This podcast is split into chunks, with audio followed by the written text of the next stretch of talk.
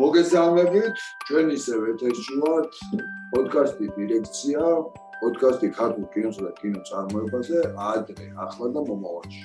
რომელსაც ტრადიციულად წავყავთ კუჩაჯურდელიანი და პოტეჩლაიც.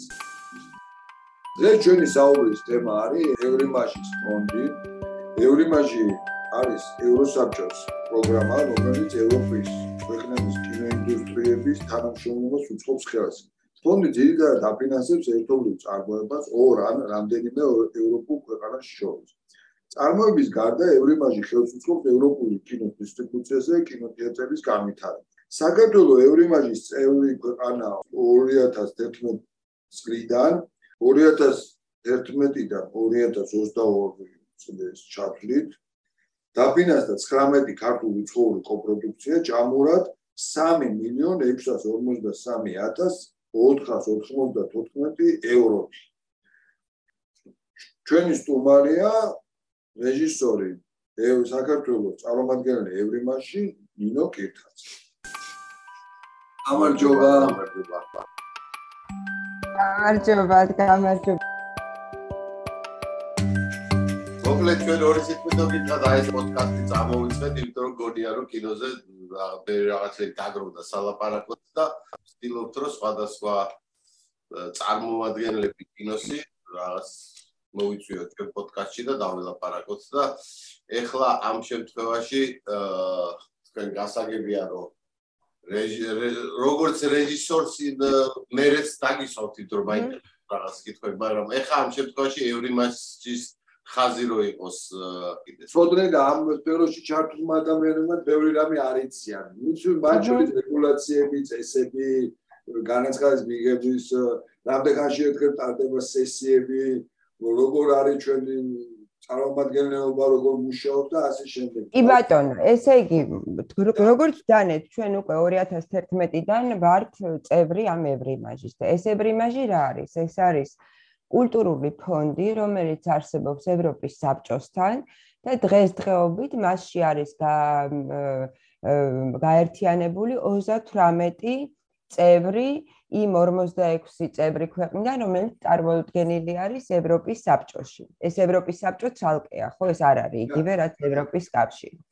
ხო და ამიტომ პრინციპი იყო საოცარი და ალბათ იყო ხანდახან აი რობერტო ოლა რომელიც აი ერთი ცოტა ხნის წინ წავიდა და ძალიან დიდი ხნის მანძილზე იყო ევრიმაჟის შემსრულებელი დირექტორი ის ამბობდა რომ ეს იყო საოცრებაო რომ ეს შედგა იმიტომ რომ დღევანდელ დღეს ყველა იმ პრობლემებით რომელიც დღეს არსებობს ეთყობა უფრო იდეალისტურები იყვნენ მაშინ 90-იანების ბოლოს, როდესაც შეიქმნა ეს ევროპული ფონდი და იდეა არის ასეთი, რომ მაგალითად, თქვათ ეს 38 ქვეყანა, ყველა ქვეყანას ყავს თავისი წარმომადგენელი კინოსფეროში. ამ წარმომადგენლის როლი დღემდე რეფორმა დაიწყო აი წლის ამ წლის ივნისიდან იყო რომ დაეცვა ეროვნული პროექტები, ანუ პროექტები წამოსული მისი ქვეყნიდან არ აქვს მნიშვნელობა ეს იქნებოდა majority co-production თუ ეს იქნებოდა minority co-production. ანუ რას ნიშნავს ესა, რომ წილი ფულს ვინდებს მეტი, შეიძლება ის იყოს, თქვათ, ავიღოთ საქართველოს ხორვატია, თქვათ, როგორც აი ერთ-ერთი ფილმი, რომელიც ახლა თავდება რუსიდან გლურჯიზის და არის, თქვათ, იყო რუსეთი. ხო? ქვეყნისთვის, რომელიც რომელიც არის majority co-production, რომელიც pools-დებს, ანუ აა იმისთვის, მისთვის ძალიან დიდი მნიშვნელობა აქვს ევრიმაჟის მოპოვებას. ეს არ არის მარტო ფულის ამბავი. ეს არის პრესტიჟის ამბავი, ეს არის მთელი ეს პროცესი, რომელიც ახლავს მერე ფილმის გამოსვლის შემდეგ მის მხარდაჭერას იმ ძალიან დიდი მნიშვნელობა აქვს, იმიტომ რომ თუ თქვენ დღეს აკეთებთ ფილმს თქვენთან სადღაცას კუთხეში და მთლად რო გენიალური ფილმი იყოს, ბაზარი ისეთია, რომ ძალიან ძნელია ამ ფილმისთვის გზის მიკვლევა თუ მანამდე ფილმის გადაღებამდე, გადაღების პროცესში არ არის ჩართული, აი რასაც ეძახიან ეს პრომოუშენის მუშაობა, რომ ამ ფილმზე იყოს ლაპარაკი, ნუ ამერიკელები ამას ეძახიან ბაზ, ხო? აი რო ჩამოდის ფილმი ფესტივალზე, მაგალითად სანდანსში, თუ იმაზე უკვე არ არის ლაპარაკი და ეს ძალიან ძვირი ღირს იქ პაბლისის ეძახიან ამას რომ ის ამ საქმეს აკეთებს საკმაოდ ძვირია იმიტომ რომ მთელი ფილმის მომავალი გარდა იმისა რომ кай ფილმი უნდა იყოს დამოკიდებულია კიდე რამდენად სწორად მიყავს ეს მხარდაჭერის და პოპულარიზაციის პროცესი აი ამ პაბლისის. ნუ ევრიმაჟი, ანუ ეროვნული წარმომადგენელი ადრე წარადგენდა ფილმს მე 2019-დან ვარ საქართველოს წარმომადგენელი ევრიმაში და როდესაც იყო დიდი ჟური ადრე ვიკრიბებოდი წელიწადში 4ჯერ ეს majority ქვეყნის წარმომადგენელი წარადგენს დიდი ჟურის წინაშე ამ პროექტს. ანუ ლაპარაკობს ხო იცით როგორ არის ახლა ეს ხო არ არის მათემატიკა რომ თქვათ რომ აი 2ჯერ 2 4-ია და თუ ვინმე თქვა რომ 2ჯერ 2 3-ია, ორიანი დაუწერეთ და დამთავრდა. კინო და პროექტი არის ამან თუ გზა არ მოძებნა სმენელის თუ მკითხველის გულამდე შეიძლება მომხდარა ეგეთი რაღაცები ევრიმაში რომ ძალიან კარგი ფილმები რომლებიც მე წასულან კანში არ დაფინანსებულან იგივე ეს ევრიმაჟი იქნება თუ მე ხე ჟურის წევრი ვარ სინემა ჯუმონში და ხედავ ხო რა ხდება იმიტომ რომ იქ ყველაზე საუკეთესო პროექტები იყრის თავს კიდე ერთი რამ მინდა გითხრათ, რომ ეს ევრიმაჟის დაფინანსება, ანუ ჯერთი აუცილებლად უნდა იყოს კოპროდუქცია, ნამდვილი, ოღონდ ტყუილი კი არა და აა ხო, ნუ ადამიანები ვართ, ხო? აა ნამდვილი კოპროდუქცია გნებავთ ორმხრივი, გნებავთ სამხრივი, გნებავთ მეტი ქვეყანა იყოს ჩართული და ამ კოპროდუქციის არსებობის დამადასტურებელი დოკუმენტები უნდა მიეწოდოს ევრიმას პროდიუსერის მიმართ და აი ხომა გრინო რომ ბოდიში რომ დაუბრუნდები და რომ გაწყვეტი ანუ არა არა. წარადგენს აუცილებლად მაიჯორიტი მხარე პროექტს იცით როგორ ყოფილა? მაგალითად მე მქონია minority co-production ხო ქართულ გერმანული და წინასწარ არის ბევრი ლაპარაკი ხოლმე. ესე იყო. ნუ ცოტა ლობინგს გავს ესა და ალბათ არის ეს რაღაცნაირი ლობინგი დავარქვათ ამას თავისი სახელი. ონ ჭკვიანური ხა იქ ხო ვეღაც ვერ მოგთამა ვარა მით უმეტეს ონლაინზე გადავედი. ჩვენ ვინც ვართ კოპროდიუსერი ქვეყნები ერთმანეთში ვლაპარაკობთ მე ვამბობ რა არის ჯობია რომ ვინ რას ამბობს რომ ერთი და იგივე არ ანუ არის ესეც კი არის რასაც ეწოდება ეს teamwork რომ ვთქვათ მე და ფრანგი და ვთქვათ გერმანელი გვაქვს ერთი ფილმი დასაცავი და ვიყოფთ მიმართულებებს იმის მიხედვით ვინ უფრო ძლიერია ამ მიმართულებაში თუ იმ მიმართულებაში რომ არ აი ცოტა თეატრის იმას გავს მომზადებას თეატრალური რაღაცა ნომერის რომ არ გავიმეოროთ ერთი და იგივე რაღაცეები, იმიტომ რომ დასაზრული დრო არის, ეს არის დაახლოებით 7 წუთი, რაც ჩვენ გვეძლება იმისათვის რომ გავაგებინოთ აი ამ სმენელ ჯურის 28 კაცია ხოლმე ეს ისე ხდება ალგორითმი ირჩევს ვინ როდის არის ჟური. ყველა ქვეყანა არის ყოველთვის უნდა იყოს აუცილებლად წარმოდგენილი მაგრამ ყველა ქვეყანა არ არის აუცილებელი რომ იყოს ჟურიში ამდენად ჩვენ ერთმანეთში რომ დავლაგდებით მომხდარა ისე რომ თუ არის თქვა მაჯორიტი გერმანული მე მაქვს ჩემი სათქმელი და ამას ვამბობ გერმანელი წარმომადგენლის მერე. ეს იქნება არტისტული მიმართულება თუ ეს იქნება განსაკუთრებული მსახიობები ან რაღაც არტისტული ჯგუფი რომელსაც შეიძლება არ იცნობდეს ფართო საზოგადოება რაც არის პატარა ქვეყნების პრობლემა ხო ახლა კი ჩვენი კინო თქვა დაფასებულია და იციან რომ კინო სერიოზულად მიდის მაგრამ ასე ყველა სახელი და გვარები შეიძლება არ იცოდნენ. ისევე როგორც არ გაგიკვირდეთ საფრანგეთში ცნობილი რეჟისორები და მსახიობები შეიძლება საერთოდ არ იცოდეს თქვა კანადამ. ან საერთოდ არ იცოდეს ბულგარეთმა ხო ვინ არის ახლა ეს? ხო და თქვა აი აკვე რომ ვთქვათ რომ იმას გაიგო ანუ აუცილებელი არ არის რომ ყველა მონაწილე კოპროდუქციის იყოს ევრიმაჟის წევრი ხო? საკმარისია ერთი ერთი ქვეყანა მაინც იყოს ევრიმაჟის წევრი რომ უფლება ქონდეს შეიტანოს ევრიმაჟში ორი უნდა იყოს მაგ ორი ორი უნდა მაგალითად თურქული ფილმები ხო? თურქული ფილმები თურქეთი არ არის. ევრიმაჟის კი არის კამბოდიში ევრიმაჟის წევრი არის ვინ შეიძლება ვთქვათ? ნუ თქვა ხო აზერბაიჯანის სიტუაცია. ხო აზერბაიჯანი არ არის. ამისთვის რომ მისი ხო არ არის იმისათვის რომ მაგალითად ისრაელი, ისრაელს ძალიან უნდა რომ გახდეს ევრიმაჟის წევრი, უკვე რამოდენიმე მიმართვა გააკეთეს და ჩვენ ახლა ამას ვიხილავთ, მაგრამ ისრაელის კოპროდუქცია როგორც წესი ფრანგებს ძალიან დიდი კავშირი აქვს და წარმოადგენილია ფრანგებით. არის თქვა საფრანგეთი, ბელგია და ებრაელი რეჟისორი. უკვე იმის გამო თუ საიდან ხო ფილმის ნაციონალობა ხო ესე არის, მაგალითად ყველა ჩემი ფილმი არის ფრანგული ფილმი. იმიტომ რომ ფრანგული ფულია. აა ნაციონალობა რაღაცნაირად განისაზღვრება ძირითადად მაინც საიდან მონდის ფული, ვინაფერი. ხო, ხო, ასე არის. ხო და ამდენად ერთი არ ეყოფა მაგ საქმეს. ორი ქვეყანა მაინც უნდა იყოს, რომ შეეძლოს პროექტს წავიდეს კოპროდუქციის კონკურსზე. ამ და მე უკვე ვთქვათ ეს შეიძლება იყოს რომელიღაც არაწევრი ქვეყნის წარმომადგენელი რეჟისორი, ან იქ ხდებოდეს გადაღება და ასე შემდეგ. ახლა თუ ვთქვათ ინტერესი არის თქვა თქვა არ არ არის ეს ქართული პროდუქცია, რომელსაც ნუ არ ყოფნის ეს წევრები ევრიმაჟის, თქვა ვერიშობა სხვაგან ფული. არის კიდევ სინემა ჯუმონდ და ძალიან ხშირად ხდება ამის კომბინირება. სინემა ჯუმონდ არის ფონდი ფრანგული სენსესი, სადაც მთელი ქვეყნიდან შეიძლება გაიგზავნოს პროექტი. ამ პროექტს შეიძლება ყავდეს ფრანგული ფრანგი პროდიუსერი ან არ ყავდეს.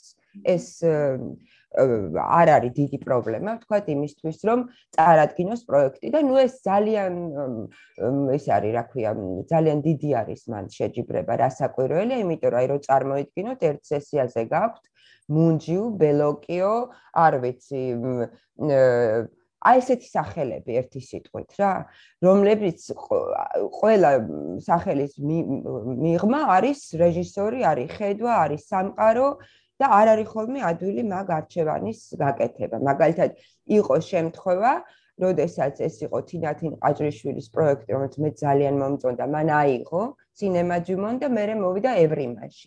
და ევრიმაში დააკლდა ქულები, იმიტომ რომ ევრიმაშიც ნუ წარმოიდგინეთ, ეს არის ბოლო ტრანში, ბოლო მომენტი, რომ ფინანსიური მონტაჟი ფილმისა დამთავრდეს. ანუ შეიძლება მოითხოვოთ ბიუჯეტიდან დამოკიდებული ბიუჯეტია ეს დამოკიდებული 500000 არის მაქსიმუმი რაც შეიძლება 500000 ძალიან დიდი ფულია ხო? აა ძალიან.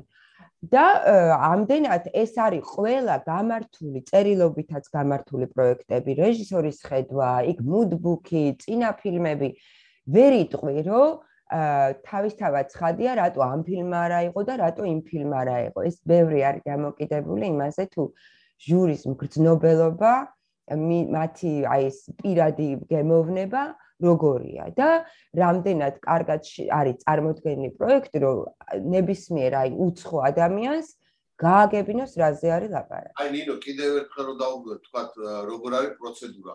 თქვენ თქვა ჟიურიში როცა ხართ, ხო? და რომ თქვენ მოგდით სცენარები რაღაცა რა ხო აი რამდენი შეიძლება ვთქვათ რამდენი არის? თვითონ ადამიანი რაღაცა ის რესურსი ამოწურვადი ადამიანის? იცით რა არის? თავიდან მუშაობდით ორ ჯგუფად როცა სანამ რეფორმა იქნებოდა. რაღაც მომენტში ისეთი რაოდენობა მოვიდა ფილმე პროექტების რომ სამი ჯგუფი შეიქმნა ამ წარმომადგენლებისგან და პარალელურ რეჟიმში მუშაობდით და თითო ჯგუფს ქონდა მე მქონდა მე მახსოვს ერთ ერთხელ აი ეს კატასტროფა რო იყო 90 პროექტი.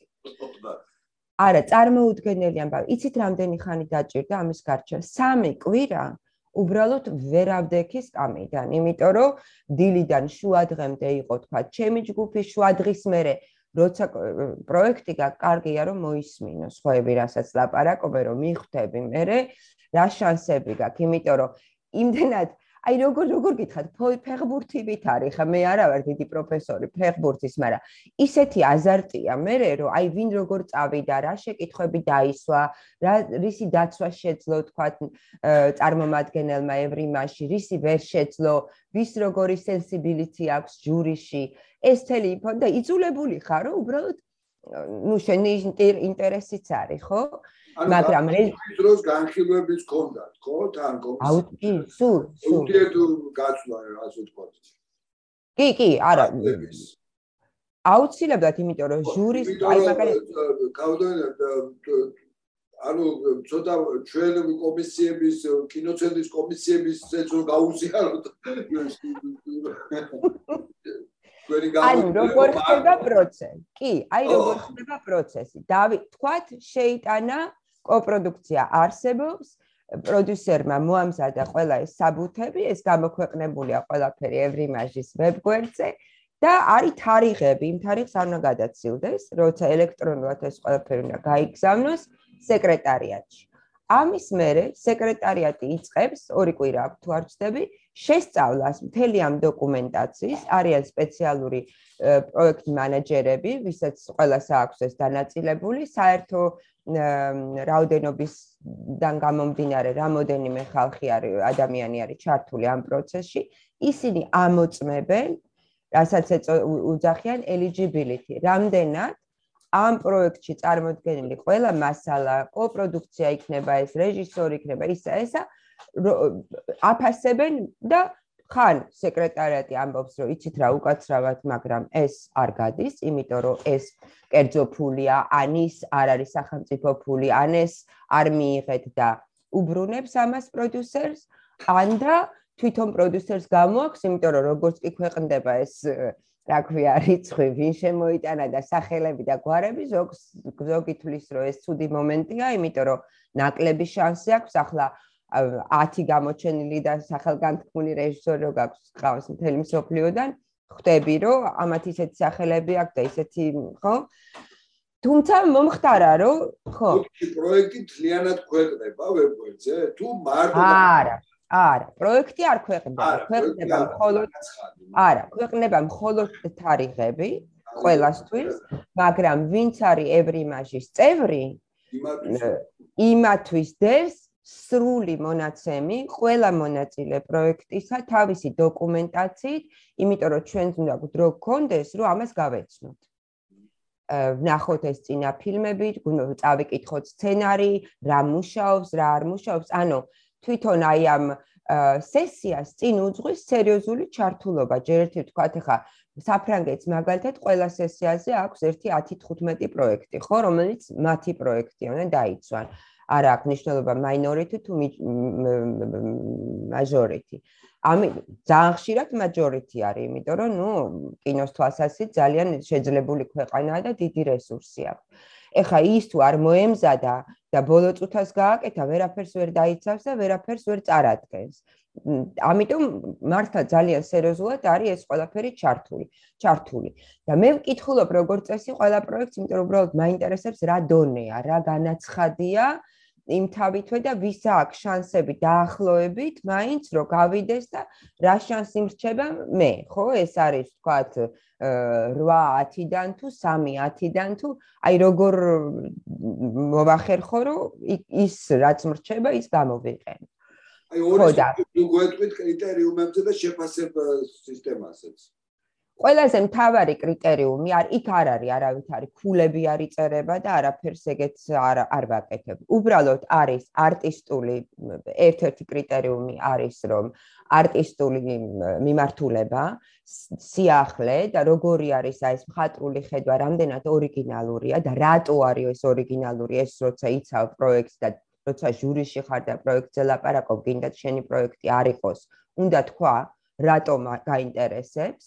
და ესა რა ქვია ამის მერე ესე იგი ეს ერთია. მეორე არის დრამატული განვითარება და პერსონაჟები და ეს რა ქვია დრამატურგია როგორ ვითარდება თუ არის ეს ესა. მე ერთ-ერთი კრიტერიუმი არის რა პოტენციალი აქვს ამ ფილმს რომ მაყურებელს შეხვდეს. ეს არის თქვათ ჰერმეტული და ეს თითქმის ხოლმე ხანდახან რომ ეს იმდენად თქვათ ჰერმეტული ფილმია რომ მას მაყურებელი ვერ ვერ ეყოლება, რა ფესტივალებზე შეიძლება წავიდეს, რა არის სამომავლოდ აი ღესეც ეძახიან საფრანგეთში, რამდენს მოიპოვებს, რა ფულს ამოიღებს ეს ფილმი, როდესაც უკვე დამთავრდება და ესა რა ქვია. ყურე როგორი ცნობადობა და ყურებადობა თუ შეიძლება ეს სიტყვა ვიხმარო, შეიძლება ამ ფილმს კონდეს. აი ეს არის ძირითადი ბაზა, ასე ვთქვათ. ანუ არის არტისტული ბაზაც და არის რასაკვირველია ფინანსური ბაზა. და ყულები არ იწერება, ანუ ამ დრო აი ამ ამ შეფასებებში ჩვენ ქულებს არ წერთ, მაგრამ სულ ბოლოს, ხო? აი თქვა ეხა პროცესი რო განვიხილოთ, რა ხდება? მოკლედ, განვიხილეთ ეს პროექტი და დაიწყო ჟური. იწება სესია და თქვა მე წარმატგენ პროექტს, ხო? ორივეს გეტყვით, ეგ მომსვლია, როცა პროექტსაც წარმატგენდით, თან ჟურიში ვიყავი. როცა ეს ხდება, ეს არ არის ინტერესთან კონფლიქტი, იმიტომ რომ შენ პროექტზე შენ ხმას ვერ აძლევ. შენ თუ წარადგენ პროექტს, მაგ დროს საქართველოს თუ ჟურიში შენ ვერ მისცემ ქულას, იმიტომ რომ შენსავე პროექტს არ შეიძლება. და ეს სწორად იყოფა ისე, რომ ჩემი არ მონაწილეობა არ აკლებს იმას ხმას, ანუ იყოფა თუ ადრე იყოფა, თქვა 8 კაცზე, საერთო მონაცემი ამ შემთხვევაში გაიყოფა 7-ზე. ანუ არ პენალიზდება ამითი პროექტი. ეხლა რა ხდება? თითოეული ჟური, როგორც კი, თქვათ მე წარმატგინე პროექტი. მე დამისვეს კითხვები. მე თითოეული ჟურის წარმომადგენელი ზოგი იტყვის, რომ ხო მე მომწონს, მაგრამ აი ხედვა რეჟისორის არ მომწონს. აი შე რაც თქვი, ესეც უნდა იცოდეს ხალხმა მაინც, რომ მე შემილა რაღაცა იქ მოვიგონო, რაც აკლია, თქვათ პროექტს, ხო? და ხდება ეგეთები. მაგრამ ვინმე შეიძლება მითხრას და კი, მაგრამ ძალიან კარგი ამას რო ამბობ, მაგრამ საწერია ეგა აი ამ პროექტში, ხო არ სადარწერია. და ეს ახლა შენი პოზიციაა თუ ეს არის ასია მართლა აი ამ ხატრულ ხედვაში ესეთებიც ყოფილა. ხო, ნუ ეხა აქედან გამოსავალი ჩვენში რო ვთქვათ, არის რომ მე აი გუშინ ველაპარაკე რეჟისორს, იმიტომ რომ ყოველას ესმის, რომ ეს ცოცხალი პროცესია, ეს არ არის რომ დაიწერა ერთხელ და მე იმას აღარავინ არ ეკარება, იმ მომენტიდან როცა შემოვიდა პროექტი ევრიმაში, შეიძლება ბევრი რაღაცა შეიცვალოს. ან სახიობი შეიცვალოს, ან ორი კაცის მაგირად ხალი და კაცი უცებ გადაწყვეტოს, რომ ეს ყავს, მაგრამ ამას ყველაფერს კითხება. შეიძლება შეიძლება, ხო, რაღაცა პროექტები და ურთიერთობა შეიძლება, ხო, თქვა, ჟურის წევრები. არა, მე შემიძლია როგორც ეროვნული წარმომადგენელი კი, მაგალითად, თუ არის კოპროდუქცია ბულგარეთი, არ ვიცი მე, კანადა და საქართველოს, ხო, თქვათ. ვართ ერთად. მე ჩემ counterparts ველაპარაკები, სხვა წარმომადგენლებს შეგვიძლია დაგვჭირდეს რეჟისორისთან დალაპარაკება, ან პროდიუსერთან დალაპარაკება და ეს ხდება, როცა რამე არის თვითონ წარმოქმნილ მასალაში გაუგებარი. თქვათ, ხანდახან ხოლმე წერენ რეჟისორები, ეს არის ესა რა ქვია, ხატრულ დოკუმენტური მიდგომა.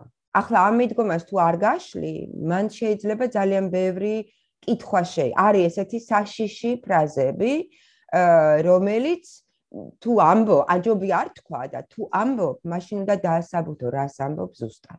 იმიტომ რომ ეს შეიძლება გახდეს პრობლემატური კითხვების ასე რა ქვია წყარო ახლა დაიწყო სესია და წარმოადგინეთ ეს პროექტი. თქვათ საქართველოს არის მაჯორიტი, მე ვლაპარაკო პირველი, თუ თქვათ იმ გერმანიას თუ კანადას რამის თქმა უნდა ისიც დაამატებს, როგორც წესი ლაპარაკობენ მათი ქვეყნიდან მონაწილე არტისტული ჯგუფის წარმომადგენლებზე, რომ ეს თქვათ გამოჩენილი ოპერატორია, რომელსაც აქ ქონდა სანდანსი, იქ ქონდა რაღაცა, იქ ქონდა ეს ფესტივალი და ყველა იცნობს.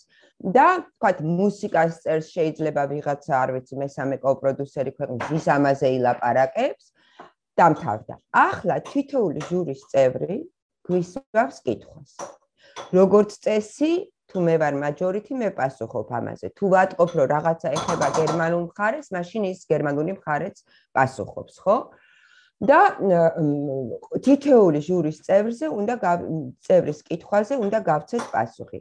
ეს მარტო კითხვები არ არის, ისინი ასევე გამოხატავენ თავის აზრს. მაგალითად, ვინმე იტყვის, რომ იცით რა, მე ვერ გავიგე მაგალითად რა არის ამ პროექტის განვითარების ხაზი. იმიტომ რომ არაფერი არ იცლება ამ პროექტში, ხო? ერთ ადგილას დგას, ეს არ არის ფივი განვითარება, ეხა ამაზე პასუხი ხო ეს თქვა მე კიდე მე ვიწერ ამ შეკითხვებს რომ საბოლოოდ ყველას გავცე პასუხი ყველა დასვა როგორ დამწველი იმიტომ რომ არც ერთ ეტაპზე დავაზუსტოთ ანუ არც ერთ ეტაპზე ავტორების პრეზენტაცია ადგენა ჟიურისთან არ ხდება არა თვითონ ავტორი რომ მოვიდეს არა არა არ ხდება არა, არა. არა, იმიტომ რომ ხანდახან სხვა შორის ამაზე იცით რა ხდება ხოლმე, ზოგიერთი ჟური არის უბრალოდ ავი ადამიანი, ხო? ნუ არის რა ხასიათი, ხო, ადამიანი. აა ეს ძალიან ადამიან მე სანამ ევრიმაში დავიწყებდი მუშაობას, სულ მეგონა რომ ეს იყო რაღაცა ამოუცნობი მფრინავი ობიექტი, ხო? გაგვებარიან. მაგრამ იქ რო ხარ, ეს იმდენად ცოცხალი და იმდენად ემოციური პროცესია, რომ რაღაცნაირად იმედი გეძლება, იმიტომ რომ იმ ხელა ჩართულობა აქვს ამ ხალხს, რომელიც ნუ ზოგი ფონდში მუშაობს, ზოგი რაღაცა ეს არის თავს იკლავენ ხოლმე. ხანდახან ერთმანეთს არ ველაპარაკებით რაღაცა ხნის მანძილზე, ესეთები ხდება. აი, საინტერესოა, პირადად ერთობებს რამდენად გავლენა ამ იმაზე ურთიერთობებს აქვს. პირად ურთიერთობები როგორ გითხრათ, იცი, ესეთი ეს რო წარმოედგინოთ, აი ესეთი ერთი დიდი ევროპული ოჯახია, ყოველას თავისი ბზიკები აქვს რა. აი ეს ფილმი რო იყო ფელინის, ხო იცით, ორკესტრზე რო იყო, მე სავარ და მე ისავარ და მე ასეთი. აი დაახლოებით ესეთი სიტუაცია. ახლა ნუ ცხადია რომ ადამიანები ვართ, ვიღაცა ვიღაცასთან უფრო ახლოს არის, ან ნაკლებად ახლოს არის. და მე ხა ნუ ხა იციანო თქვა მე მომწონს რადიკალური კინო და ეს არა ქვე ცოტა ესეთი მოფლაშულები არა ამისთვის ან პატივს გცემენ ან ეშინიათ შენი ან ვერ გიტანენ. ნუ ეს ყალიბდება აი ამ სესიების მანძილზე იმიტომ რომ იმის მიხედვით თუ როგორ ლაპარაკობ ეს ხდება შენი სავიზიტო ბარათი. და ეს შეიძლება იყოს ისეთი სერიოზული სავიზიტო ბარათი, იმიტომ რომ ან დაინახავენ, რომ არის რამოდენიმე ადამიანი ესეთი, ვინც ხედავ, რომ არის ძალიან კულტივირებული, ძალიან ნაკითხი, ძალიან კარგად იცის თანამედროვე კინო, მისი ტენდენციები და რო ლაპარაკობს ეს ყველაფერი ჩანს. იყო მაგალითად ერთი წარმომადგენელი, რომელიც ამბობდა ყოველთვის ერთი და იგივე შვიდ ფრაზას. ზუსტად ერთი და იგივეს. იმ წუთში ხვდები რომ არ კითხულობს ალბათ ამ პროექტებს და რაღაცნაირად ამის მიხედვით ყალიბდება პატივცემ პატივისცემა ანუ პატივცემულობა აი ამ წარმომადგენლის და შესაბამისად ქვეყნის მიმართ იმიტომ რომ ფიქრობენ რომ ზოგი სერიოზული რესპონდენტია რომ ზოგი არ არის ამას შეიძლება ენდო იმას შეიძლება არ ენდო და ასე შემდეგ. და ეს ადამიანური ასპექტი, როდესაც წარადგენ ფილმს და შენ პატივს გცემენ, გისმენენ მაინცა რა. სულ არ მოწონდეს. იმ მომენტში შეიძლება რომ აი ნახევარ ან ერთ ქულაზე, რომელიც შეიძლება იყოს გადამწყვეტი საბოლოო ქულების მიხედვით, აი ეს მოიგო, როგორც წარმომადგენელმა და შეიძლება რომ გავიდეს ეს ფილმი. თუ სწორად ალაგებს შენ პიჩს. ახლა მორჩა ეს ყველაფერი, ჩემ ვილაპარაკეთ, პასუხები გავეცით.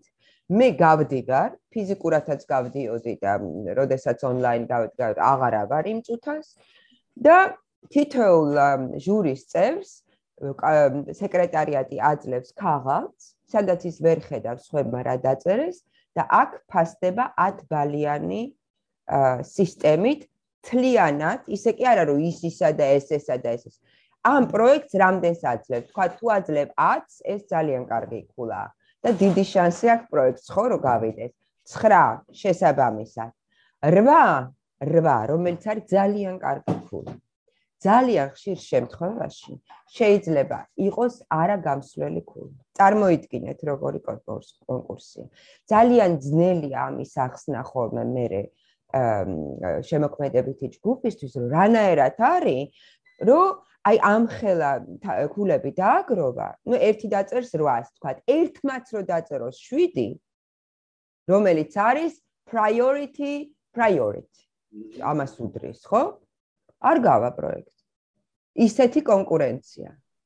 ანუ კი არის თუ არა ქულები, რასაც წერენ ქვეყნებში. ქვეყნები რასაც წერენ არ არის ღია ყველასთვის, იმიტომ რომ ერთმანეთ ვინც ჯგუფშია კი ხედავს ვინ რა დაწერა და ამას ხედავს სეკრეტარიატი. ჩვენ დანარჩენები ვიღებთ საერთო ქულას ამას ხედავ. როდესაც მორჩება მთელი სესია. ახლა ნუ მე ყველა ყველას ურეკავს ხო არიცი და ხო არიცი და ზოგი ამბავ. აი ზოგი ამბავ. იმიტომ რომ ნუ ძალიან ემოციური ფონია მართლა. აი რაღაცა პატარა ბავშვები რომ აი ეს ამას ვერ მსგავსებით ეს ამხელა დასრული ხალხი რომ ოღონდ ეს ეს ელემენტები არის და როდესაც აზარტია ხო აზარტია. ნახსენეთ რომ რაღაცა ანუ 2001-ში იყო ხო თუ ორში რაღაცა განახლება ხდება ხო იმაში იმაში ანუ რაღაც შეიცვალა? რადიკალურად შეიცვალა. აი ახლა მოხდა ეხა წლის დასაწყისში. მე რო უკვე მივედი ეს რეფორმა იყო გზაზე ძალიან დიდი ხანი ამ რეფორმაზე იყო ლაპარაკი. რატო? იმიტომ რომ რაც შეიძლება ეს ემოციებისგან ცოტა დაიცალოს ეს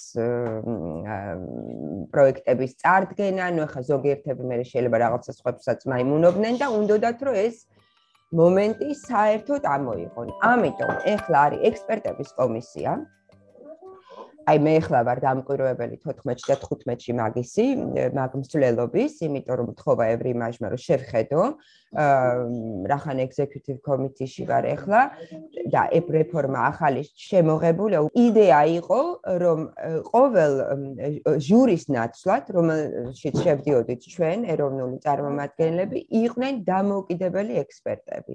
ეს არიან რეჟისორები, არიან სცენარისტები, არიან sales agent-ები და არიან პროდიუსერები. ეს არის ხალხი, ვინც თქვათ, აი კენჭისხრის წესით მონაწილეობს შემდეგ სესიებში როგორც ჟური. ესენი კითხულობენ ზუსტად ისევე როგორც ჩვენ პროექტს, იმას ამ პროცესს ესწრება სეკრეტარიატი და დამკვირვებლები ევროპის საბჭოდან, ევრიმაშიდან და executive committee-ს აქვს უფლება, სულ 8 კაცი ვართ იქა, რომ მოითხოვოს რომ მე მინდა ვნახო რა ხდება. ნუ ამ შემთხვევაში პირიქით მოხდა თვითონ მომთხოვეს, რომ შევაფასოთ რამდენად სწორად მუშაობს ეს რეფორმა. ხო არ ხდება რამე დევიაცია აი ამ პროექტებზე საუბრის დროს? გულთან მიაქვს თუ არ მიაქვს? შიში არის რომ პატარა ქვეყნები არ დაიჩაგრონ.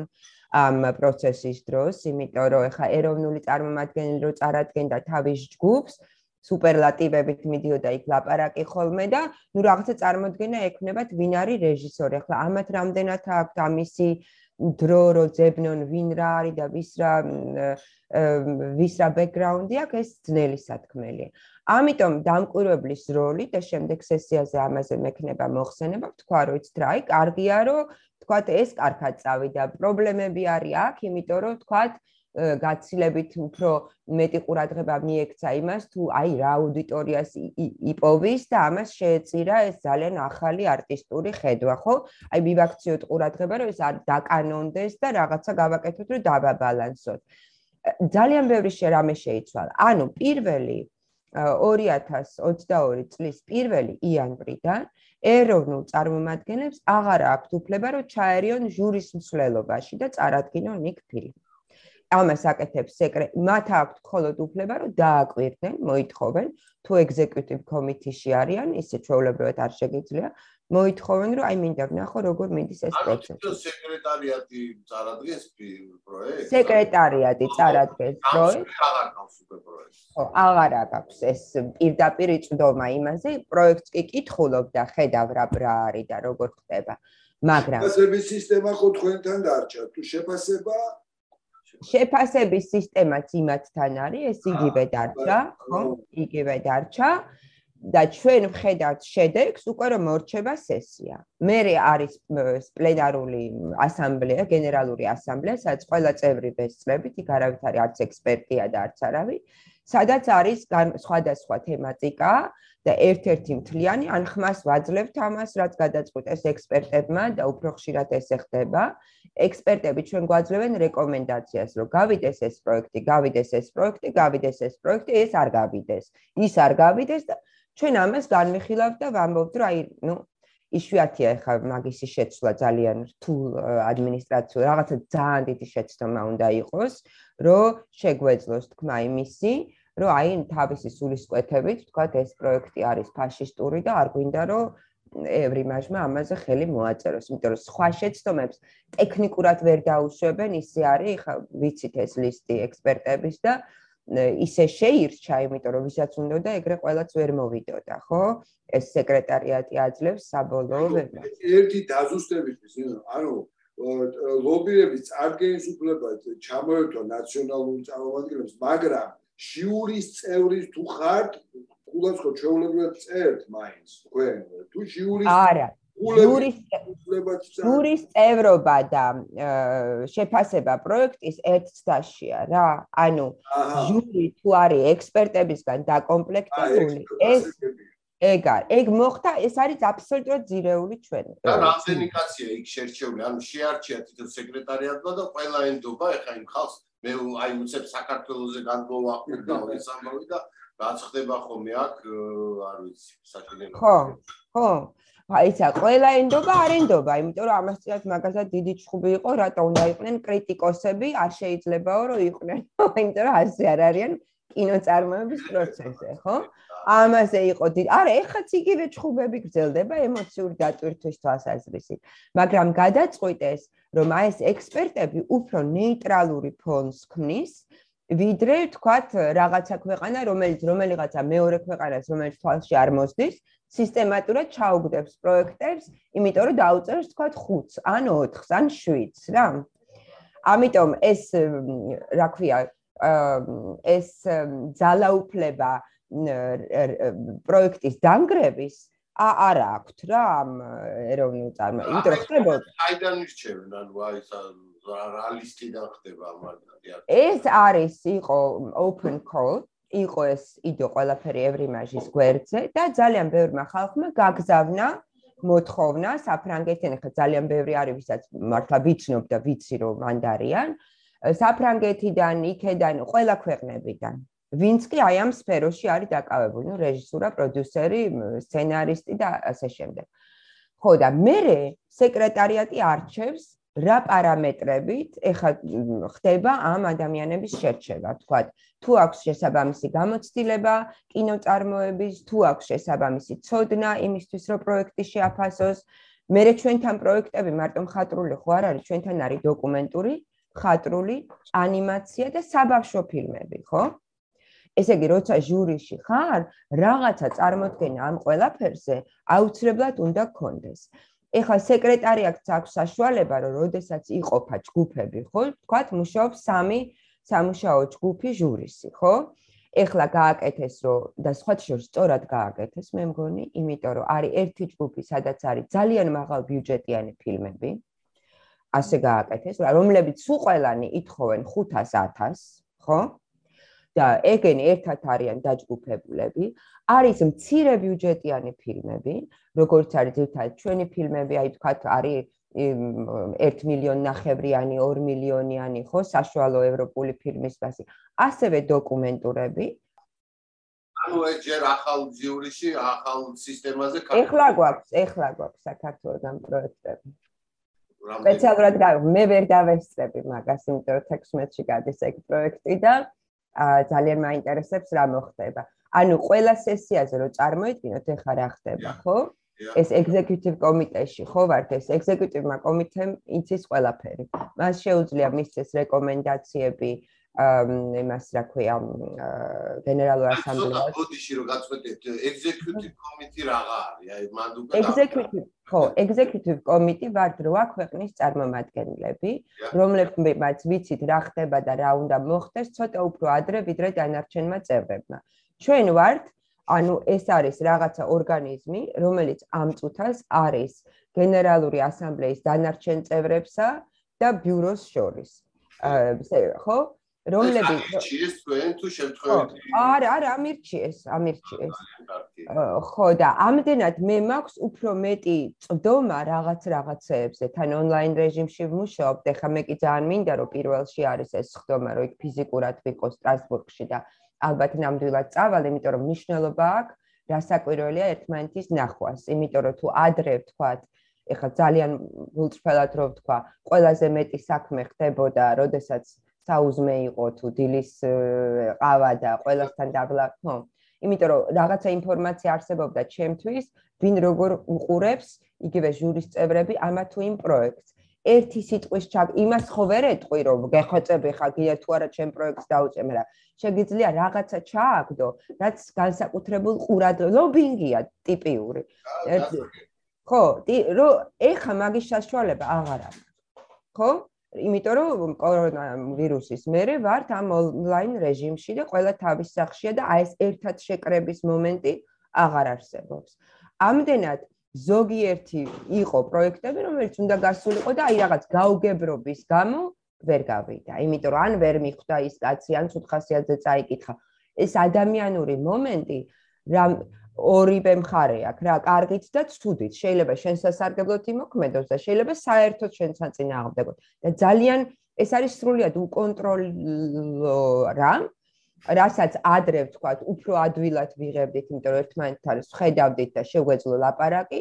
ეხლა ეს პირდაპირ აი ჩავერთვებით და ეხლა ვერ წარმოგიდგინოთ რამე პროექტი და თქვენ კიდე შეიძლება ძალიან ცუთხასიათზე ხართ ამ წუთას, ან კბილით კივავინ, ხო? არის ეგ. მე ამის საშინლად მეშინია. ანუ ამ შეკრებაზე ექსპერტებიც ესწრებიან ყველანი ვინ ჩართულია, ხო და აუცილებლად მოდიან და ეს ექსპერტების რაოდენობა იგივეა, რაც ქვეყნების რაოდენობა, რაც ადრე იყო. არა. მათი დაკომპლექტა თუ უფრო მეტი შეიძლება უფრო ნაკლები. ნაკლები.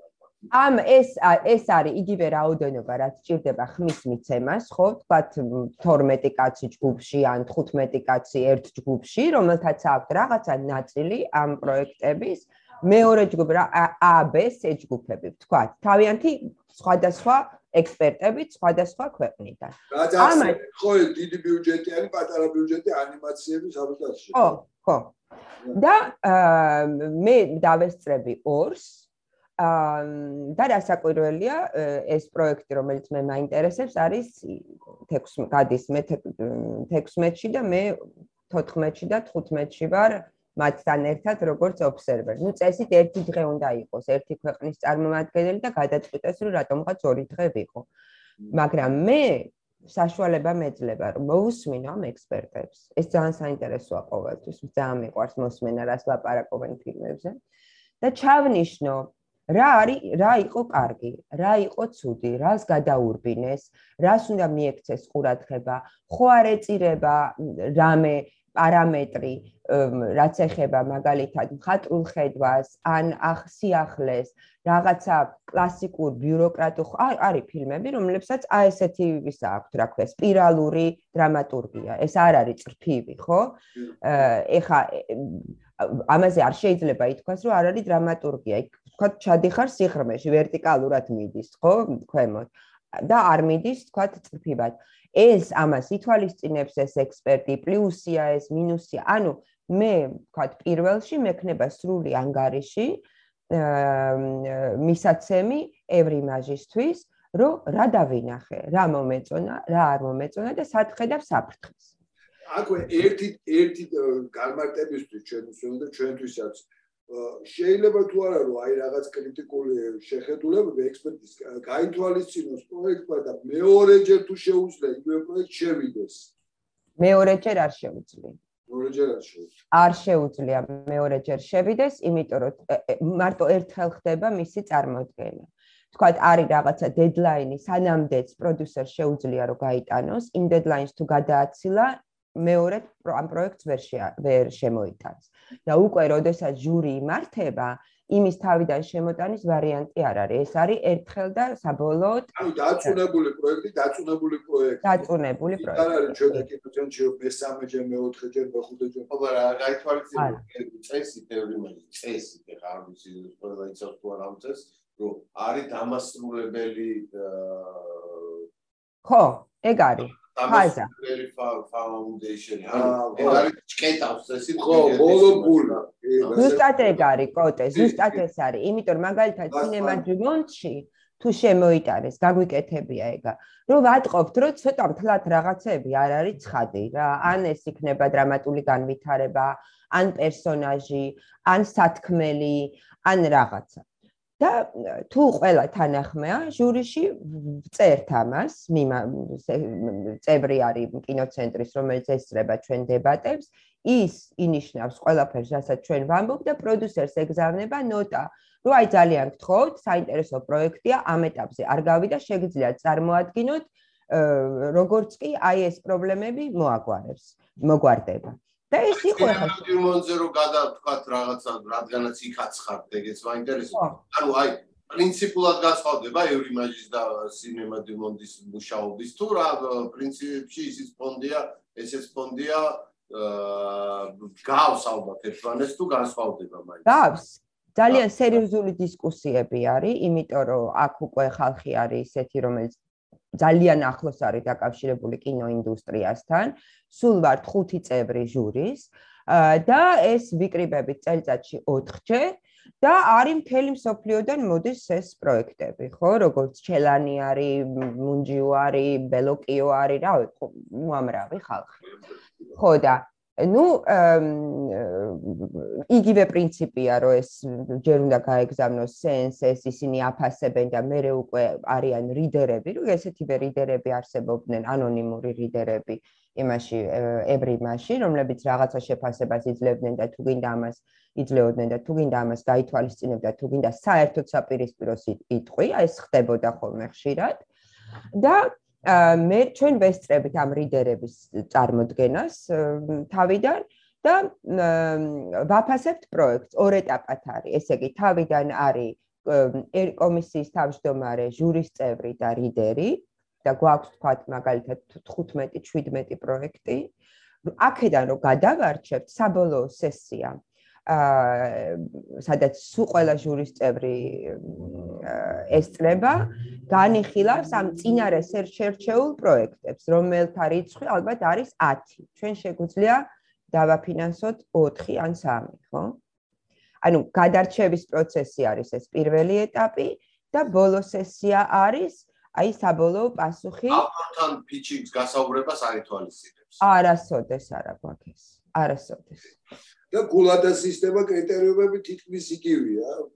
ძალიან საინტერესოა კრიტერიუმებს არ აღწერთ გულებს არ აღწერთ საერთოდ არ წერთ იმაში სინემაჯიმონში არის რომ მე მხარს ვუჭერ რომ გავიდეს პლენერში კი არა კი. და ამას ვაძლევთ მხარს. თქვა ჩვენ ვართ ხუთნი აი მაგალითად მე მინდოდა მუნჯიუ და ვიღაცას უნდოდა თქვა ხო მაგრამ სამა კაცმა თქვა რომ იცით რა ის სცენარში არის პრობლემები. მე არ გონია რომ ეს არის ეს არ არის იმ სიღრმის და იმ დონის როგორც ამ რეჟისორს ჩვევი და ოპ არ გავა ხო? ამაზე არ არის არავის არის სასამართლო ამას არ მოყვება არასოდეს. სეკრეტა არასოდეს. ხო ნუ ეხა მაშინ ბელოკიო იტყვის რას თქვა მე ვარ მარკო ბელოკიო და რას ქვია არ მომცა ამან რა რატო? იმიტომ რომ წარმომადგენელი სენსესი, რომელიც ამას ესწრება, ის წერს არგუმენტებს, რა იყო არგუმენტები ჟურისი, რომ რატო ამ პროექტს არ მიეცა, არ ვერ დაუჭირეს მხარი. ну ერთი მხრივ შეიძლება ერთ-ერთი არგუმენტი ყოფილა რომ სრულიად დაფინანსებული ეს ფილმი და ამას არ ჭირდება თქვა 150000 თუ 200000 კინოცენტრი ამიდან ფრანგული კინოცენტრიდან ამიტომ გვირჩევნია რომ ეს ფული რაც გვაქვს მივცეთ მეორე პროექტს რომელსაც ეს ფული უფრო ჭირდება. მაგრამ ეს არის აი ბოლო არგუმენტი როგორ გითხრათ ეს მართლა ხო თუ არის პრობლემა სცენარზე და თუ თანაც აბსოლუტურად დაფინანსებულია ფილმი და ნაწილობრივ უკვე გადაღებული ხო ну ვიტყვით რომ იცით რა ახლა როგორმე უჩვენოთ ვიცხოვრებ.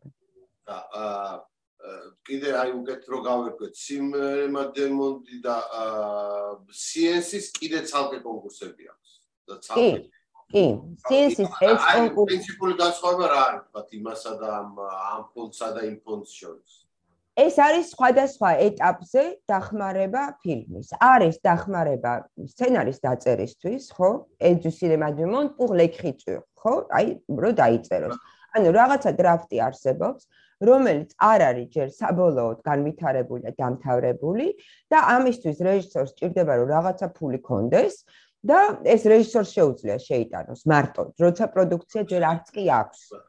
ამას განიხილავენ. ესეც ძალიან კომპეტიტიურია იმიტომ რომ ყოველას უნდა ეხლა საფრანგეთში ძალიან ბევრი რეჟისორები არის ხო ვინც კარგად მუშაობს. განიხილავენ ამას ორ ეტაპად არის აქაც პლენარულამდე, ხო, ზუსტად იგივენაირად როგორც სინემა ჯიმონში, განიხილავენ გეტყვიან, უი, გადახვედი მეორე ეტაპზე. და მეორე ეტაპზე, ვთქვათ, ამ შემთხვევაში არის აი ედა ლეკრიტურში, რომ უნდათ დაინახონ რეჟისორი.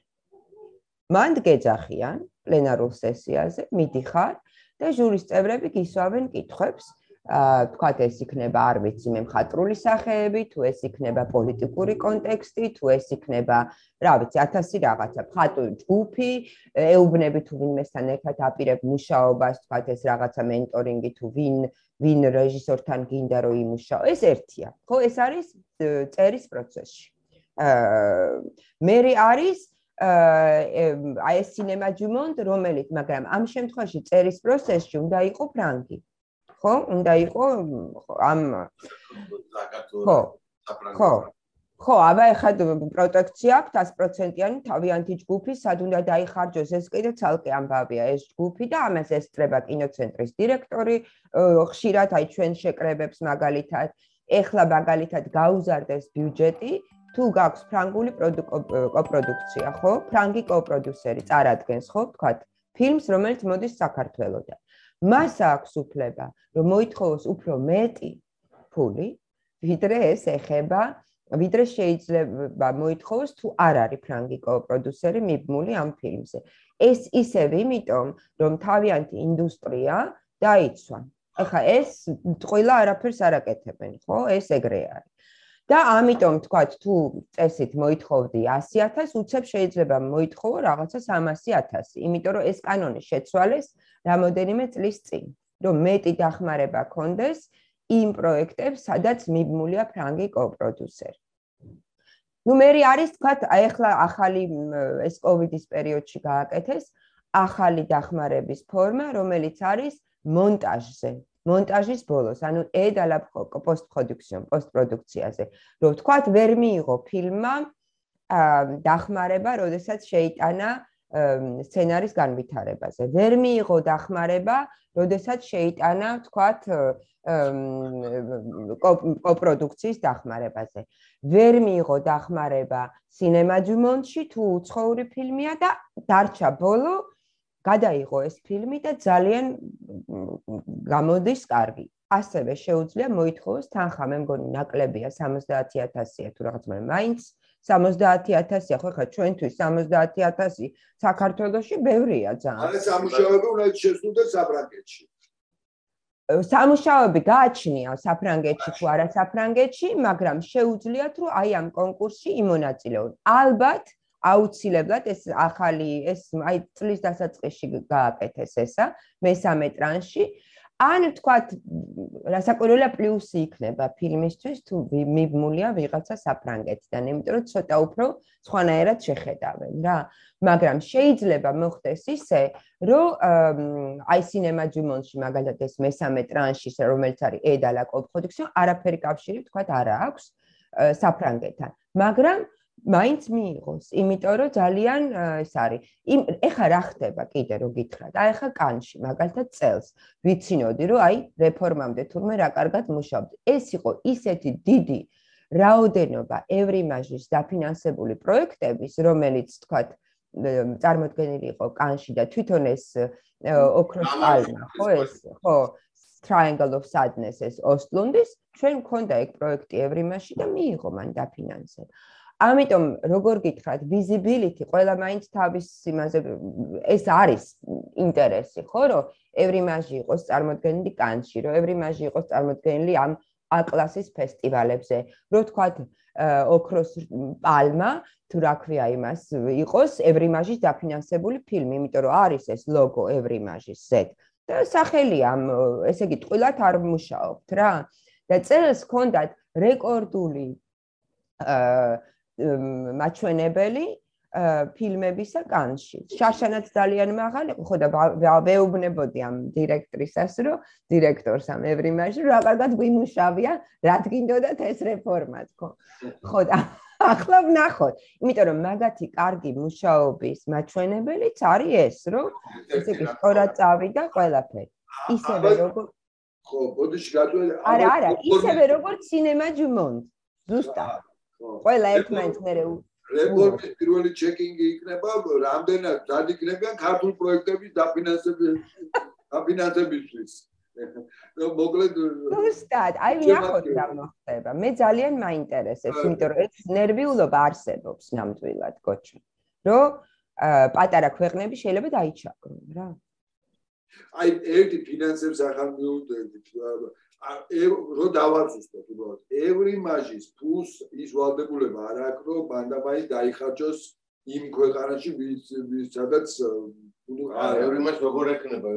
არა ეხლა წარმოიდგინეთ 27.5 მილიონიანი ბიუჯეტი აქვს წელში წელიწადში ევრი მაჟს ძირითადად ეს ბიუჯეტი არის შექმნილი სხვადასხვა ქვეყნების კონტრიბუცია არის.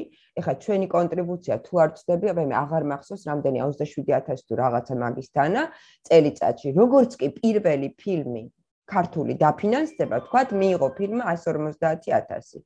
ეს ფული ამოღებულია უკვე. ხო ხვდებით? საფრანგეთი იხდის 3 მილიონს. და რასაკვირველია ხა იმას თატვინში სისხლი ექცევა ხოლმე, როდესაც გადის რაღაცა ფილმი და უცებ არ გავიდა რაღაცა ისეთი მაჯორიტი მია ჰანსენ ლავან ვიღაცა ამისთან, ხო? ჩვენ ეხა რაღაც ციფრები მოვიპოვეთ და 1.200.000-მდე არის საწევრო სახით აქციის განმავლობაში გადახდილი. და მთლიანად მოზიდულია ქართულ პროექტებში 3 მილიონ 600.000-მდე. ხო, ძალიან საინტერესოა, რომ ალბათ ალბათ კი არა დაწმებულა, რომ მილიონ ნახევარზე მეტი არის საქართველოს რა თქმა უნდა, დახარჯული ამ 3 მილიონიდან. ისო ეს ზემოქმედება ეკონომიური არის, ასე თქვა და გასაკვირველია, ყველანაირად ჩვენთვის ეს არის მომგებიანი. აი წარმოიდგინეთ, ისრაელი თავს იკლავს, აზერბაიჯანი თავს იკლავს, როგორმე შევიდეს იქა. ეხა მაგალითად რუსეთი როცა გავაგდეთ და ეს იყო რაღაც მონუმენტალური ამბავი ეს ხდებოდა იმ დღეს, როდესაც კინოცენტრის დირექტორი მოხსნეს, ზუსტად ის დღე იყო, მახსოვს კარგად. ეს იყო, ეხლა რაზე წავიდა ევრიმაჟი? ესეც საინტერესოა, ხო? უკრაინა არის წევრი ევრიმაჟის. მე არ დამავიწყდება ეს უკრაინელი ჩემი counterparty, რომ ბრძოლის ველიდან ერთვებოდა ზუმით. ნუ წარმოუდგენელი სანახაობა იყო. ჩვენ ყველა ვზივართ რაღაც თბილად სახში და ეს არის რაღაცა ბუჩქებში დამალული, რომ მონაწილე ერთხელ არ უთქვამს, რომ არ ვიმონაწილებ. მოთხოვნა იყო ესეთი, რომ არავითარი ფული სახელმწიფოს არ გაეგზავნოს რუსეთისას, სანამ არის ეს ომი. რა საკვირველია ხა ლიტვა, საქართველოს, ვინც ვიცით ეს და გამოვლილი გვაქვს, მართლა აბსურდი იქნებოდა, ეხა ჩვენ რო კიდე მასე კინოებზე ვილაპარაკოთ ერთად. ამას მოყვა რა? დიდი დაფსატეხი, რომ ეხა გვაქვს განსახილველი ის კოპროდუქციები, სადაც იყო რუსეთის მონაწილეობა ამ სახით თუ იმ სახით, ხო, რა უყოთ იმ პროექტებს?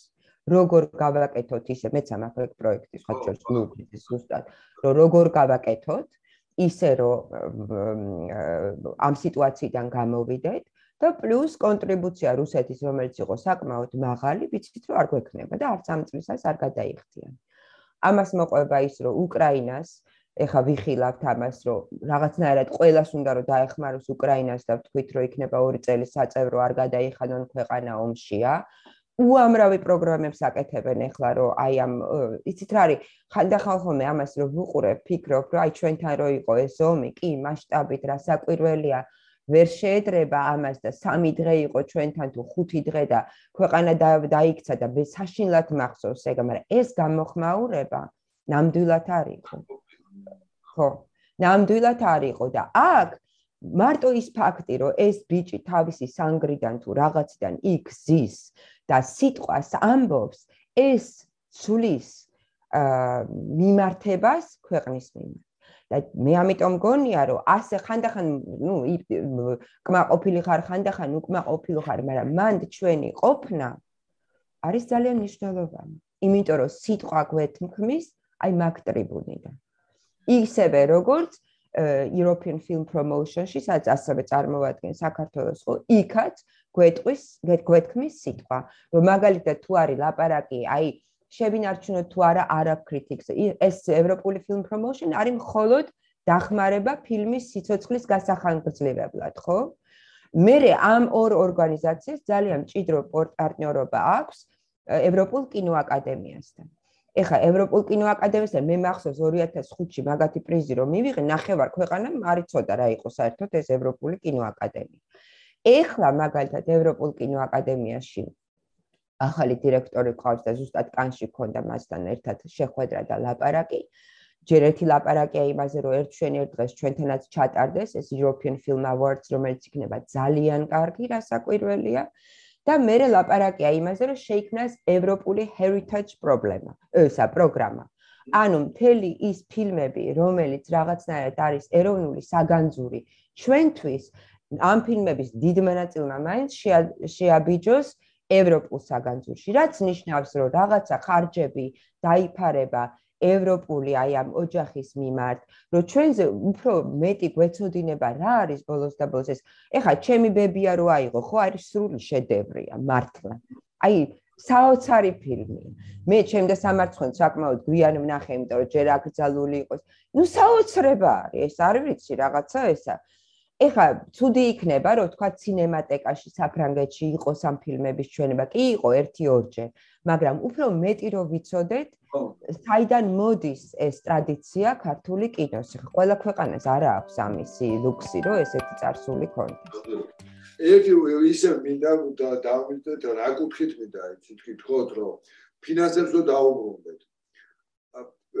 მოგებულ პროექტ, მოიგო პროექტმა და გვერდმა ქართულმა ქართულმა პროექტმა მოიგო მოიგოს ანუ არაფერი ვალდებულება პროდუცერს არ წარმოეშვება რომ ფული უკან დააბრუნოს ან რაღაცნაირად ევრიმაშთან არაფერი ეს ურთიერთობაში არ შედგა. ამ ფილმი რომ ეხლა გეტყვით.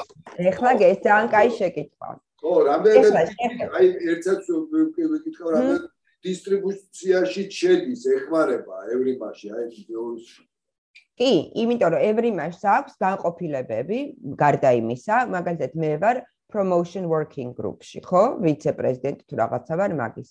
რომ როგორ ვეხმარებით რა ფესტივალზე დავდივართ, ჟური იქნება, რომ აი მომავალი პროექტები უკვე არის co-production award, ხო? არის 50000 ევროა, ცოტა კი არ არის. აი პროექტი არის განვითარების სტადიაზე, ვნახეთ სადღაცას კოპროდუქციაც მეტნაკლებად ადგილზეა, რომც არ იყოს ადგილზე არაუშავს, მაგრამ ხედავთ რომ არის კოპროდუქციის პოტენციალი დიდი და იქნება ერთ-ერთი წარმომადგენელი არის ევრიმაში, მაგალითად CPH Dogs-ზე, ხო, წარმომადგენელი ვარ მე და კიდე არის ორი ჟურის წევრი. ჩვენ ვკითხულობთ ყველა ამ lab projects და ევრიმაჟის კოპროდუქციის ჯილდო გადაეცემა საუკეთესო პროექტს, რომელსაც აქვს ეს ევროპული კოპროდუქციის პოტენციალი თავისი მაღალი არტისტული მითი ხედვით. მე იგივე პროექტი შეიძლება რომ მოვიდეს კოპროდუქციის კონკურსში ევრიმანში, ხო? უკვე რაღაცა, ანუ რაღაცა ყურადღება და მეთვალყურეობა იმთავითვე არის თქვათ განაწილებული. ეხლა მე არის კიდე ჯგუფი Cinema Distribution Group, ხო? როგორ მიდის ეს ფილმები სინემაში? ეხლა სირცხულით როგორ ავთქვა, რომ ჩვენი ეროვნული კინო არიხილება, ეხლა თუ ვწდები გამისწორეთ, არ არის ჩვენთან კინოთეატრი, რომელიც ეროვნულ კინოს აჩვენებს მაყურებლისთვის, ადგილობრივისთვის, ხო ეს? პრინციპში აყენებენ კინოთეატრს მაგას პრეტენზიას ვერ და მაგრამ ხო ის არა, ვალდებულება არ აქვს და მან არის პრობლემები კი ბატონო. მან არის პრობლემა, ხო? დგება ეს ფილმები. რო ეროვნულ პროდუქციას საქართველოს მაყურებელი ვერ ხედავს რა კეთდება, ვერ, კაი, არ არსებობს ეს ფესტივალები, მაგრამ არ ვიცი, ქუთაისში, სადღაც, ხო, გუგდი, ხო, ხო შეიძლება რომ ადამიანი წავიდეს ოჯახით კინოში და ნახოს ქართული ფილმი. ანუ სამაყურებლო დისტრიბუციის პოტენციალი box office-ების სახით დაყიდული ბილეთების სახით არ არის. მე რატო გითხო, ვიცი თუ თუ ერთ-ერთი კრიტერიუმი არის ევრიმაჯის მიერ ფულის გააცემა პროცესზე ანუ იმასაც აქცევენ ყურადღებას ეს ფული მე როგორ ბრუნდება ევრიმაჯში თუ არ ბრუნდება? არ ბრუნდება. საჩუქარია ეს. არა წესით შეიძლება ჩვენ ძირითადად საჩუქარია. იმიტომ რომ 150000 თუ 170000-ის ქვემოთ არ აბრუნებ არაფერს. ახლა 500000 თუ მოითხოვე და ამაზე მე შემოსავალიც გააკეთე ამაზე რაღაცა ნაწილი ბრუნდება ევრიმაში. მე აი თქვენ რომ მკითხეთ რომ თქვათ მოიგო პროექტმა, რა ხდება მე? მე ადრე იყო სამი ტრანში, რომელიც იყო გაუთავებელი ბიუროკრატიული მიწერ მოწერა და ამაზე ძალიან ბევრი დრო იხარჯებოდა ხარჯები ისენი ესენი რაც უკვე არის პროდიუსერისა და ევრიმაჟის სეკრეტარიატის ურთიერთობა. რომ როდი როგორ ნაწილდება, ვთქვათ, ეს ფული, რომელიც მოიგო. პირველ მე ჩემი პირველი სხდომა იყო, სადაც აუცი დავაპატარავეთ ესა და გავხადეთ ორ ნაწილად. პირველ ნაწილში, როგორც კი გადაღება მორჩება, იგზავნება ყველა ეს საბუთები ევრიმასში პროდიუსერის მიერ თავისი ხარჯებით ისა ესა ესა და ის იღებს 70%-ს აი იმ თანხიდან, რაც მოიგო. და ბოლო 30 უკვე ყველაფერი რო დამთავრდება საერთოდ ყველაფერი ამ ფილმთან დაკავშირებით, მერე გააგზავნის და მიიღებს. ანუ ორი ტრანშია, მაგრამ მე მქონდა შემთხვევა, როდესაც მოიგო ფილმმა და მოხდა ისე, რომ არაფერი არ გაეგზავნა ევრიმაშ, ისეთი, რაც აჩვენებდა, რომ გადაღება დამთავრდა, რომ ფილმი მუშაობს ხე.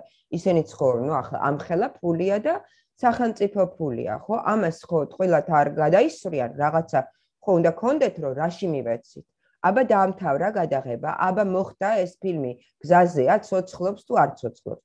Ну ამ შემთხვევაში გაცლიან გაცლიან გაცლიან პროდიუსერი იღებს რამოდენიმე გაფრთხილებას რომ აი გადაგიტანთ. ესე იგი ანუ ეს არ არის დამსჯელი ორგანიზაცია ხო? ჩვენ სულ გვაქვს სპეშალ კეისები სადაც ვცდილობთ რომ გამოსავალი მოვძებნოთ თუ რამე სირთულე შეექმნა პროექტს რომ გაუხანგრძლივოთ დრო. აკვე ჩაგი ფილმი ინგარ ქართული ანუ გვაქვს ესეთი კეისი რომელიც რა მაკეისი მქონდა ლაპარაკი ზუსტად. ხო. სამწუხაროდ, ხო. ანუ ქართული ფილმი იყო, ხო? ქართული ფილმი არის, რომელიც ხო არ დამთავრდა კი არა, მე მგონი არის დაწყება. არც დაიწყო და მო ბოლოს ხა მეც მქონდა მათთან ურთიერთობები, ხო, ევრიმაშთან, რეჟისორებთანაც, პროდიუსერთანაც და გამოვიდა ისე, რომ ანუ 60000 ევრო აიღეს და უბრალოდ ხო ძალიან კაცადანი. რა ხდება და აუქმებს ამ ფულის მიღების პროცესს ევრიმაში. ამბობს, აბატონო, დაგაცადე ეს მე მგონი 2017 წელი იყო, ხო, როდესაც მათ მოიგეს თუ არ ვცდები 17 თუ 18. 19. ხო, არა, 19, ხო. ხო და ესე იგი როგორც კი თუ ერთხელ დაგაცლიან, მეორედ დაგაცლიან იქ კოვიდი, მაგრამ ეხა შენ თუ არაფერს არ აძლევს აიმისოს, რომ ხელის მოსაჭიდი მაინც რომ მისცე, რომ ფილმი მსვლელობაშია, ну მაშინ ეს უქმდება რა. ეს არის ძალიან დასანანი, დასაკვირველი. აი ნინო რაღაცა ისე ისე სწრაფად გადის დრო, რომ რაღაცა უკვე მეორე იმაზეც გავიდა, ბოლოსკენო წავიდე თქვა. აა ანუ ზოგადად აი საქართველოსზე რა რას ფიქრობენ, რანაირი სახელი აქვს თქვა ქვეყანას ამ შემთხვევაში, რომ წარმატებულია ნაკლებად თუ საერთოდ არ მიდის ახლა ერთ მარკეტინგში განხილვა და საუბარი თქვა. არა, როგორ არა, იმიტომ რომ ხა ქართული კინო, მაგალითად, როგორც კი იწყებოდა მსჯელობები, ქართულ კინოს ასეთი დიდი წარდგენა აღარ ჭირდება. მე მახსოვს მე რო აქ ჩამოვედი და ფესტივალები იყო. არ იყო ფიზიკურად არც ერთი ქართული ფილმი არსად წარმოდგენილი. იქნებოდა ეს კანი თუ იქნებოდა ეს ვენეცია თუ ეხლა სადაც კი გაიხედავთ არ არის თითქმის ფესტივალი სადაც არ იყოს ერთი მაინც ქართული ფილმი. ეს ამ კოვიდის და ეხლა თქვენ ძალიან კარგად იცით რა ფულს იძლევა კინოცენტრი ხო? ნუ ესეთი დაბალი დაფინანსება მე მგონი არავის არ აქვს. ევრიმაში ვინც ის არც ერთ ქვეყანას ხო ხო და მაინც მიუხედავად ამ ყველაფრისა ვერ ვიტყვი რომ მონდომებულები არიან ენერგია აქვს მე მგონია და სხვათა შორის მაშინ ვაპირებდი რომ ჩამოვიდეს რამოდენიმე ევრიმაჟის წარმომადგენელი და ეხლაც მინდა რომ ეს მოხდეს ზუსტად რეფორმის მერე რომ მოეწყოს შეხვედრა რეჟისორებთან და პროდიუსერებთან რომ პირველი ინსტანციიდან მათ იცოდნენ სად გვიჭირს რა უნდა გაკეთდეს ამისთვის მაგალითად ძალიან ხშირად და ექსპერტებთან ახლა უფრო მეტად იქნება ასეთნაირად, იმიტომ რომ მაშინ კიდე რაღაცა სიტყვას დააწერდი. როგორ არის წარმოქმნილი თვითონ დოსიე კოპროდუქციის, ხო? რას ნიშნავს რეჟისორის ხედვა? ეს რეჟისორი ფანტაზიორია და ვაიმე რა საყვარელია თავის სამყარო, ეს არ ყოფნის ამ ამბავს რა. იმიტომ რომ აი მაგალითად ჩდილოეთის ქვეყნებიდან დაბეტონებული ის მოდის, რა ქვია, დოსიეები რა. ეს ისე არის შეკრული პაკეტი, რომ წყალი არ გაუვა. პროდიუსერი რო პროდიუსერია, ისეთებს დაწერს ხოლმე. ერთი და იგივეს კი არ იმეორებენ სხვადასხვა ბრუნვაში. ხო? სხვადასხვა რაღაცეებს წერენ და სრულიად სხვადასხვა პოტენციას სხვადასხვა კუთხით აშუქებენ ამ წარმოქმნილ სამუშაო გვაქვს აშკარად, ხო არის? აუცილებლად გვაქვს, მაგრამ ნუ ეწყინება ნურავის, მაგრამ ჯერ არა ვარ ჩვენ იმ დონეზე, რომ აი მაგალითად ვიყო წყნარად, უფ, აი კაცო ეს ძა ისეთი ბეტონის დოსი არის, რომ რო წაიკითხავს ის ექსპერტი, ნამდვილად იმუშავებს. უნდა წარმოიდგინოს ასევე პროდიუსერმა და რეჟისორმა რა რაოდენობის პროექტებთან არის გვაქვს საქმე. რა დონის პროექტებთან. ეს არის უაღრესად, უაღრესად კომპეტიტური, ესა რა ქვია, ადგილი. სადაც მთელი ქვეყნიდან, მთელი ქვეყნიდან მიუხედავად არის ევრიმაჟის წევრი თუ არ არის, იმდეს მოიფიქრებს, ხო? რომ დაუკავშირდეს წოლ პროდიუსერებს, რომლებიც ამას წარადგენენ. მიიღებს დაფინანსებას ფრანგულ კინოცენტრში მაჟორიტის და აბატონო ფრანგი წარადგენს. და გერმანელი და თვითონ მოდის შეიძლება არ ვიცი მე საიდან ხო? აი სამომავლო ამ შემთხვევაში აი კითხვას დაგისვათ რომ რაღაცა კინოცენტრში იცით მოხდა რაც მოხდა და ცვლილებები რამე თქვენ შესახებ რა ხდება? ახალ მენეჯმენტთან გაქვთ ურთიერთობა არა გაქვთ და სამომავლო გეგმები ამ თქვენ შესახებ და ზოგადად ევრიმაში საქართველოს წარმომადგენლობაზე რამე ხო არ არის სიახლეან იცით რა ჯერჯერობით არა მე არავინ არ დამკავშირებია საერთოდ რაც ეს მოხდა. ნუ რაღაც მომენტში ვფიქრობდი რომ მეც უნდა წავიდე და ჩემს საქმეს მივხედო იმიტომ რომ მაინც ძალიან შრომატებადია ეს მინდა გითხრათ. იმიტომ რომ სულ არის რაღაცა შეხვედრა სულ არის რაღაცა იდეები და მაინც თუ ჩართული ხარ. ერთიც მხრივ ძალიან საინტერესოა იმიტომ რომ ინფორმაცია მაინც გვაქვს ისეთი რა ფლობთ ამ ინფორმაციას მე შემდეგი ეტაპები ხა თუ რასაკვირველი ამისი ნება არის, იმიტომ რომ კინო ისეთი რაღაცა რომ სახელმწიფოს ნება ჭირდება. აი ეს მალროს დამსახურება თუ დღეს ჩვენ გვაქვს საფრანგეთში საავტორო კინო, ეს იყო მალრო, როცა იყო კულტურის მინისტრი, მისი გაკეთებულია. იმიტომ რომ წაგებაზე მუშაობდა რაღაც მომენტში ეს სახელმწიფო დახმარებები, იმიტომ რომ საავტორო კინოს ასეთი box office-ი როგორც ექნება მაგალითად არ ვიცი ჯეიმს ბონდს არ ექნება ხა ხო ფაქტია ხო? მაგრამ მისი დიდი დამსახურება რომ ამას დაუჭირა მხარი. ეხლა მე რაც არ უნდა მინდოდეს რაღაცების გაკეთება ჩემი პოზიციიდან არის რაღაცა მომენტი, როცა მჭირდება, თქვა იგივე აი ამ ხალხის ჩამოყვანა, თქვა რაღაცა ურთიერთობის დალაგება, თქვა იგივე სეკრეტარიატსა და ჩვენი რეჟისორების შორის. ექსპერტებია თუ რა, როგორი წერება დოსი, როგორი იქნება ეს პაკეტი, ხო? ეს ვიცით? არ ამგონია. ახლა ჩვენთან კი არის ეგ ტენდენცია, რომ ყველაფერი ყველაზე უკეთესად ვიცით, მაგრამ ეგ არის ტყუილი. ადამიანი ჩვეულებრივ მეც და თქვენც ყოველი დღე რაღაცა ახალს ვსწავლობთ, ეგ არის ცხოვრება, ხო? ასე რომ მგონია, მე დავფიქრდები, რომ თვათ ასე შეიძლება არ იყოს. იმიტომ რომ კინოს სპექტრი იცვლება. აი მაგალითად რა მოიტანა კოვიდმა საფრანგეთში, ხო? შეიცვალა მიმართება გამოსახულებასთან დაკავშირებით, იმიტომ რომ არავინ არ დადიოდა კინოში, იმიტომ რომ Netflix-მა წაიღეს ტვინი და გამარტივდა კინოენა, რაც აუცილებლად დაარტყამს რაღაც მომენტში საავტორო კინოს. კანშიც კი იგრძნობა ეგა რა. რაღაც შემთხვევაში აი სელექციაზე რო ამბობენ რომ იყო ცოტა ისეთი, ну, მოყანყალებული, იმიტომ რომ შენც ყოველას უნდა რომ ყავდეს მაყურებელი, ყოველას უნდა რომ საქმე აკეთოს. და აი ეს ძალიან სწრაფი ცვლილებები, რაც გამოიწვია პანდემიამ, რაც გამოიწვია ძალიან ბევრი პლატფორმის გაჩენამ, ხო? რაც გამოიწვია აბსოლუტურად. აბსოლუტურად. და რას უშვებით? აი ხა ყოველ დღე მაღაზია ევრიმაშიც ლაპარაკი როგორ ვაკეთებთ. ეხა მაგალითად იხსნება ახალი პლატფორმა ევრიმაში იგივე პრინციპი იქნება რაც კინოს დაფინანსების ხო სერიები. ოღონდ ეგ იქნება ნებაყოფლობით აი გვინდა ამაში გავართიანოთ გვაქვს ამის რესურსი რომ აქ ჩავდოთ და ვიყოთ აი ამ სერიალების კონკურსში. ხო გვინდა იდეა იდეაში ხო? იმიტომ რომ კარგია თუ საერთაშორისო მასშტაბზე წავა ქართული სერიალები. არ უნდა დავკარგოთ ეს პლატფორმა ეს ადგილი ხო? აი ამ ხო ამდენად ძალიან ბევრი სამუშაო არის მაგ მიმართულებით. იქნება ეს ხა კანში ქართულ იმაზე იყავით ალბათ, ხო? კი, რა საკვირველია, კი. ანუ რაღაცა გადახტილი გვაქვს საწევრო, ეგეც კი არ ვიცი. საწევრო გადახტილი გვაქვს მე მგონი. მე ლევანთან მაქვს ხოლმე მაგ თემაზე ურთიერთობა და რამდენადაც ვიცი, კი, გადახტილია, მაგრამ ყოველ შემთხვევაში მე არ მქონია ამ ახალ ადმინისტრაციასთან საუბარი, არავინ არ დამკავშირებია ჯერჯერობით და მე ვერ დაგიკავშირდებიან. ხო, იმედი. წარმოგიდგენელი მგონია და უბრალოდ მართლა ძალიან ბევრი კითხვები მაქვს კიდე თქვენთან, მაგრამ აი რაღაცნაირად ამ შემთხვევაში მე მგონი დავასრულოთ და კიდე დაგიბრუნდებით აუცილებლად და კი ბატონო, სიამოვნა. იმიტომ რომ მართლა ძალიან ბევრი კითხვები დამჭა კიდე თუნდაც როგორც თქვენთან როგორც რეჟისორთან და რა ვიცი. სიამოვნებით, სიამოვნებით თქვენთან ვარ და წარმატებებს გისურვებ დიდი მადლობა. ალბათ დროებით. მადლობა დროებით, ნახვამდის, ნახვამდის.